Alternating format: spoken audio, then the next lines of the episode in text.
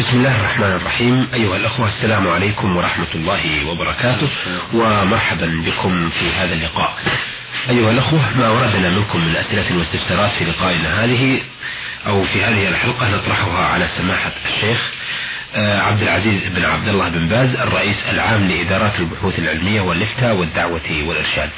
آه، نحيي سماحة الشيخ في بداية حلقتنا هذه كما نحيي الأخوة المستمعين. حياكم الله وبارك فيكم. آه، سماحة الشيخ هذه رسالة وردتنا من جمهورية مصر العربية من أحمد أمين جمعة جمهورية مصر الزقازيق. آه، يقول في رسالته هذه آه، السادة أصحاب الفضيلة العلماء في برنامج نور على الدرب لقد حججت مرتين واعتمرت أربع مرات وهذا العام حججت لوالدتي التي لم تستطع أداء المناسك وأيضا أخي الذي حج لوالدي الذي لم يستطع أداء المناسك ونظرا لكبر سنهما فقد نويت عند الإحرام بالحج متمتعا وبعد أن وصلت إلى الأراضي الطاهرة قمت بطواف القدوم وطواف السعي. ولم أقصر من شعري. ولم أتحلل إلا بعد رمي الجمرة الأولى. ولم أنحر ولم أسعى مرة أخرى. غير طواف الإفاضة وطواف الوداع. فهل يجوز ذلك؟ وهل يحتسب حجة فقط أم ماذا؟ وما هو حكم الدين في ذلك؟ وهل لي حسنات أجزى بها؟ أفيدوني جزاكم الله. الكريم خير الجزاء. فإلى السؤال. يقول لقد حجزت مرتين واعتمرت أربع مرات. وهذا العام حجزت لوالدتي التي لم تستطع أداء المناسك. وأيضا أخي الذي حج لوالدي الذي لم يستطع أداء المناسك. ونظرا لكبر سنهما. فقد نويت عند الإحرام بالحج متمتعا. وبعد أن وصلت إلى الأراضي الطاهرة قمت بطواف القدوم وطواف السعي. ولم أقصر من شعري. ولم أتحلل إلا بعد رمي الجمرة الأولى. ولم أنحر ولم أسعى مرة أخرى غير طواف الإفاضة وطواف الوداع. فهل يجوز ذلك؟ وهل يحتسب حجة فقط أم ماذا وما هو حكم الدين في ذلك؟ وهل لي حسنات أجزى بها؟ أفيدوني جزاكم الله الكريم خير الجزاء. بسم الله الرحمن الرحيم. الحمد لله وصلى الله وسلم على رسول الله وعلى آله وأصحابه ومن اهتدى أما بعد فالذي يظهر من سؤال السائل أنه أراد التمتع إلى الحج ولكنه ما صرح بالعمرة انها أحرام متمتعا. فإذا كان أراد بقصد متمتعا بالعمرة إلى الحج فالقران يسمى تمتعا وهذا عمل القارن هو طاف وسعى وبقي على إحرامه هذا عمل القارن ثم طاف بعد ذلك ولم يسعى. يجزئ السعي الأول عن السعي بعد حج. إذا كان نوى أن يؤدي حج وعمرة جميعا فقط ولم يقصد أنه يتحلل بعد بعد السعي. عند قدوم مكة إنما أراد متمتعا بعمرة. الحج يعني يجمع بينهما ويقرن بينهما؟ فهو قد طاف وسعى ثم سعى ثم طاف بعد الحج. وطاف الوداع هذا يكفي.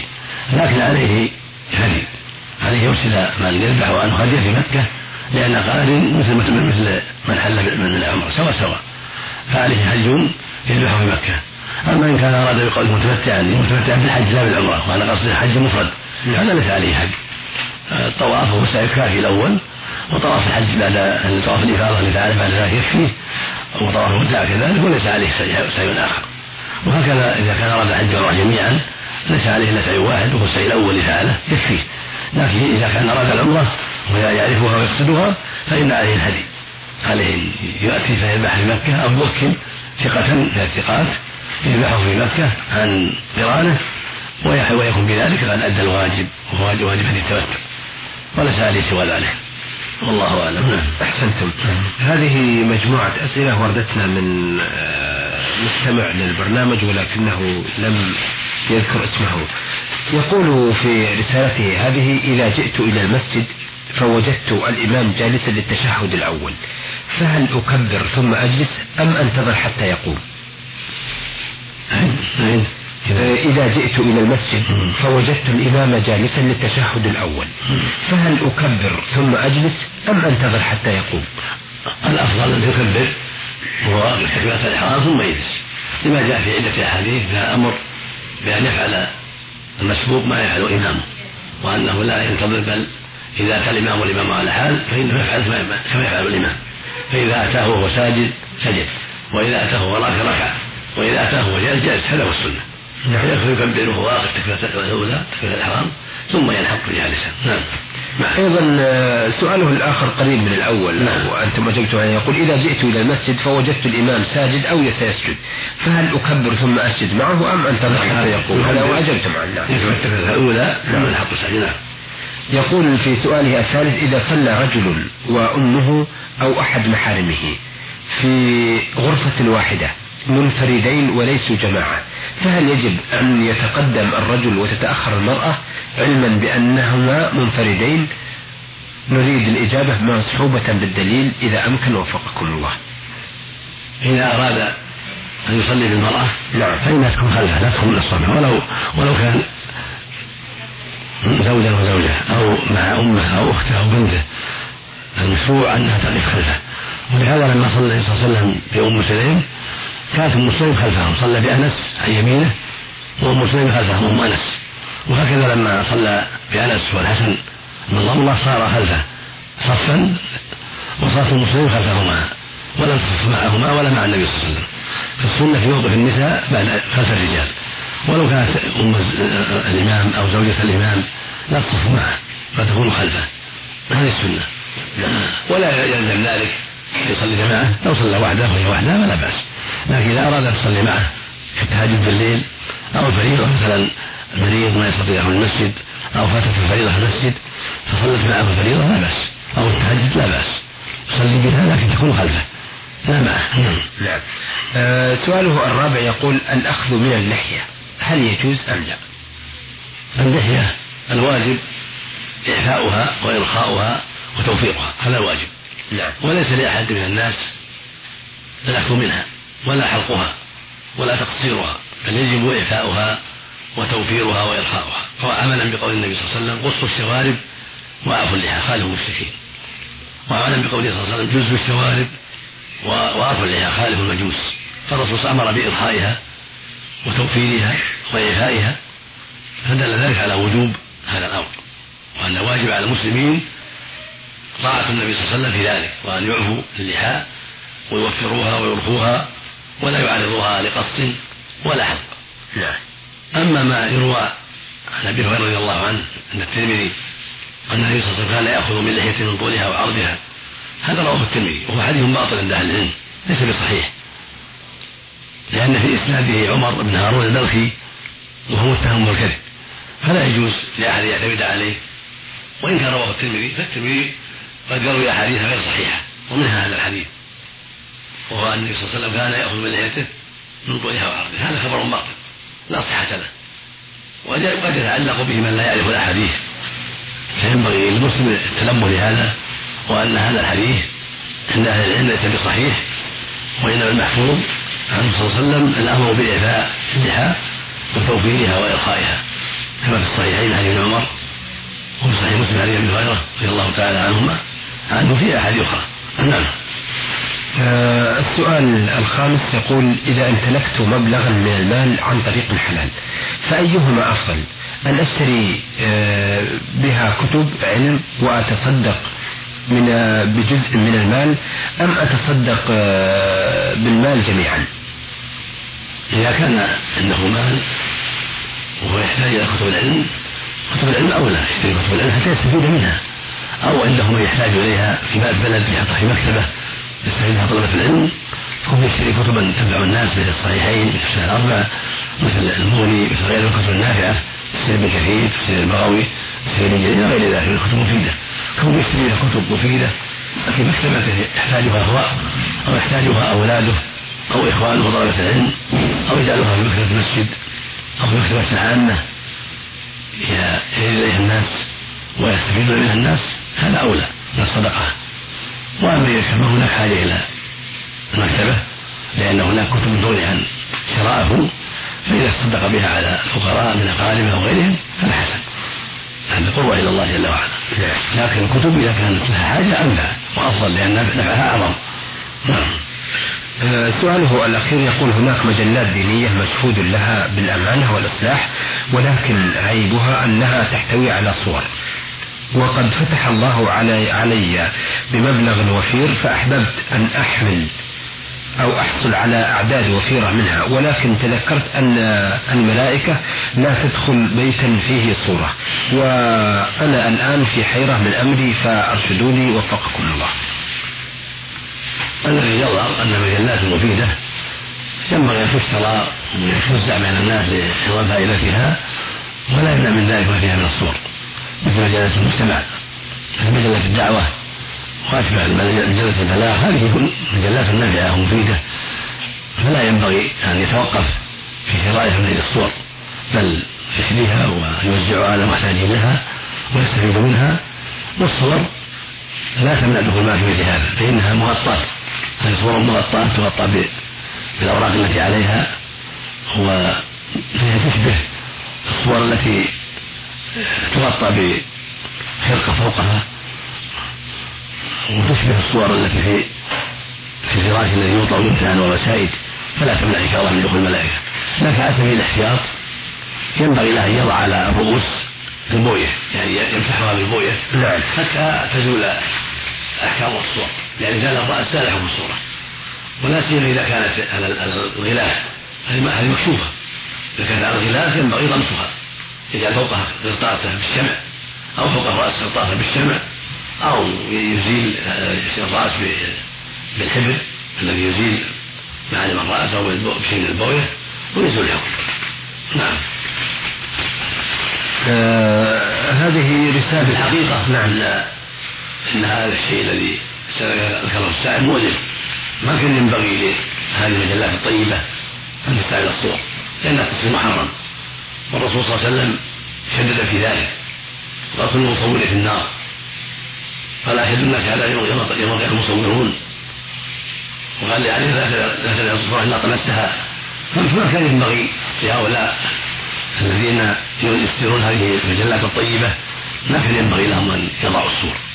ونصيحتي لهم جميعا ألا يضعوها. وأن يتركوا الصور. فتكون هذه المجلات سليمة طيبة. بعيدة عن هذا التيار الذي وقع فيه الناس. هذه نصيحتي لإخواني في في الدعوة وفي مجلة المجتمع والبلاغ وغيرها. نصيحتي لهم جميعا ألا يضعوا فيها صورا وكذلك إذا كتبوا فيها مقالا لأحد ألا يضعوا صورته إلا بإذنه. حتى لو أذن لا ينبغي أن يصوروه. الصحيح حتى لو أذن لا يصورونه وأنا أحرج كل من كل من نقل عني مقالا أن يضع صورتي. أنا لا لا أسامحه ولا أبيح أن يضع صورتي. كل من كتب عني أنا أحرجه أن يضع صورتي. ولا أرضى بذلك لأني أعتقد أنه لا يجوز التصوير مطلقا. فأنا أقول لكل من نقل عني في أي مجلة أو في أي جريدة لا أبيحه ولا أسامحه أن يضع صورتي. هذا الذي أقوله لإخواني جميعا وأنصح به إخواني جميعا وأبلغهم إياه من طريق هذا هذا المنبر أني لا أرضى أن أن توضع صورتي مع أي مقال أو فتوى تنشر عني هذا هو هذه هذا اعتقادي. وإن كان التصوير قد يحتاجه بعض الناس مثل التابعية وجواز ورخصه القيادة هذا شيء آخر. قد يقال أن صاحبه ضروره أو مكره فيعفى عنه إن شاء الله لأنه مضطر إلى التابعية ونحوها. لكن نقل المقالات الصحف ليس هناك ضرورة إلى وضع صورة صاحبها. صاحب المقال معروف وان لم توضع صورته احسنت نعم. وفقكم الله. خير الجزاء. هذه الرسالة من المرسل إبراهيم حسين الحويطي من جدة الحدود المركزي. في الحقيقة لم يضمن رسالته أسئلة وإنما هي استشارة. يقول في هذه الرسالة آه، الأخ إبراهيم حسين الحويطي من جدة هل بالإمكان مراسلة البرنامج وعرض ما لديه من استفسارات حول ما يهمه من أمور دينية ويخشى من عدم تمكننا من قراءة خطه؟ وفعلا الخط ردي للأسباب التي ذكرها. ولكن على الأخ إبراهيم اختصار السؤال ما أمكن أو الطلب من أحد أقاربها أو أصدقائه كتابة أسئلته لنتمكن من عرضها على الوجه الذي يريد ونحن مستعدون ونرحب به وبأسئلته. وفي الحقيقة جلست ليلة كاملة لإخراج هذه الكلمات البسيطة. فالرسالة هذه من أحد السائلين وهو خلف سرور من جدة أيضا ويسأل عن زواج الشغار يقول جيت لأحد الأخوان وطلبت منه أن يزوجني بنته وقال لي زوجني بنتك ولا عندي مانع وبقيت في حيرة من الأمر. أه أرجو من فضيلتكم توضيح الطرق أو الطريق الصحيح وهل في هذا الشيء حلال أم حرام؟ وفقكم الله لعمل الخير وجزاكم الله خير الدنيا والآخرة. شاكرين لكم وللعاملين على هذا البرنامج. نكاح الشغار ويسميه بعض الناس نكاح البدل لا يجوز. وهل يقول زوجني بنتك أو زوج ولدي أو أخي أو ابن أخي ومزوج ومزوج بنتي أو مزوج بولدك أو ابن أخيك. هذا لا يجوز. هذا هو الشغار اللي نهى النبي صلى الله عليه وسلم وزجر عنه في عدة أحاديث. الرسول صلى الله عليه وسلم زجر عن نكاح الشغار وهو مسمى نكاح البدل. فلا يجوز أبدا لأي مسلم أن يتزوج نكاح الشغار ولو بالمهر المعتاد. لا يجوز هذا لأن الشرط نكاح في نكاح وعقد في عقد. فهو من بيعته في بيعة. ولأنه يفضي إلى فساد كبير إلى نزاع وخصومات وإلى إجبار النساء وظلم النساء من جهة أوليائهم لمصالحهم. أو مصالح أولادهم أو أبناء إخوتهم ونحو ذلك. ثم يفضي النزاع بعد ذلك. كلما تنازع زوج مع زوجته خرجت الأخرى. فالمقصود أنه منكر. لهذا الرسول نهى عنه عليه الصلاة والسلام. ويكفي هذا. كل الرسول نهى يكفي ولكن مع هذا كله يقع في يقع وصفه في مشاكل كثيرة. وهذا من شؤم الذنوب وشؤم المعصية معصية الرسول صلى الله عليه وسلم. فإن المعصية لها عواقب وخيمة. فالذين يقعون في الشغار ويعصون الرسول صلى الله عليه وسلم تقع لهم مشاكل مع نسائهم في الغالب. فالواجب على المسلم أن يحذر ذلك وأن لا يتزوج بالشغار أبدا والنكاح بالشغار غير صحيح. نعم. هذه الرسالة من نجران. يقول آه، مرسلها أنه يرى الكثيرين يصلون على الجنازة أكثر من مرة فما حكم الصلاة على الجنازة أكثر من مرة؟ ما نعلم فيها بأس إذا حضر الجنازة. صلى عليها مع جماعة. ثم حضر جماعة وصلى معهم عليها في المقبرة أو في أي مكان لا حرج في ذلك إن شاء الله. لا بأس بذلك الواجب مرة. الواجب يصلى عليه مرة واحدة. لكن لو قدر أنه صلى عليها في المسجد ثم جاء آخر وصلى عليها في المقبرة أو في مسجد آخر وحضر معهم وصلى لا بأس. كل هذا من مزيد الخير. نعم. آه إلى هنا أيها الأخوة نأتي على نهاية لقائنا هذا.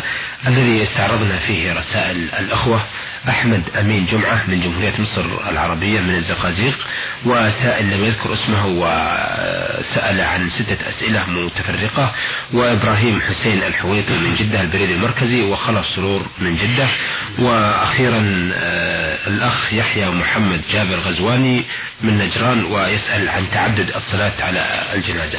عرضنا أسئلة الأخوة والذين ذكرنا أسماءهم على سماحة الرئيس العام لإدارات البحوث العلمية والإفتاء والدعوة والإرشاد فضيلة الشيخ عبد العزيز بن عبد الله بن باز. آه، شكرا لسماحة الشيخ وشكرا لكم أيها الأخوة آه، على استفساراتكم عن أمور دينكم. حتى نلتقي إن شاء الله تعالى في الأسبوع في الأسبوع القادم مع سماحة الشيخ. نستودعكم الله والسلام عليكم ورحمة الله وبركاته.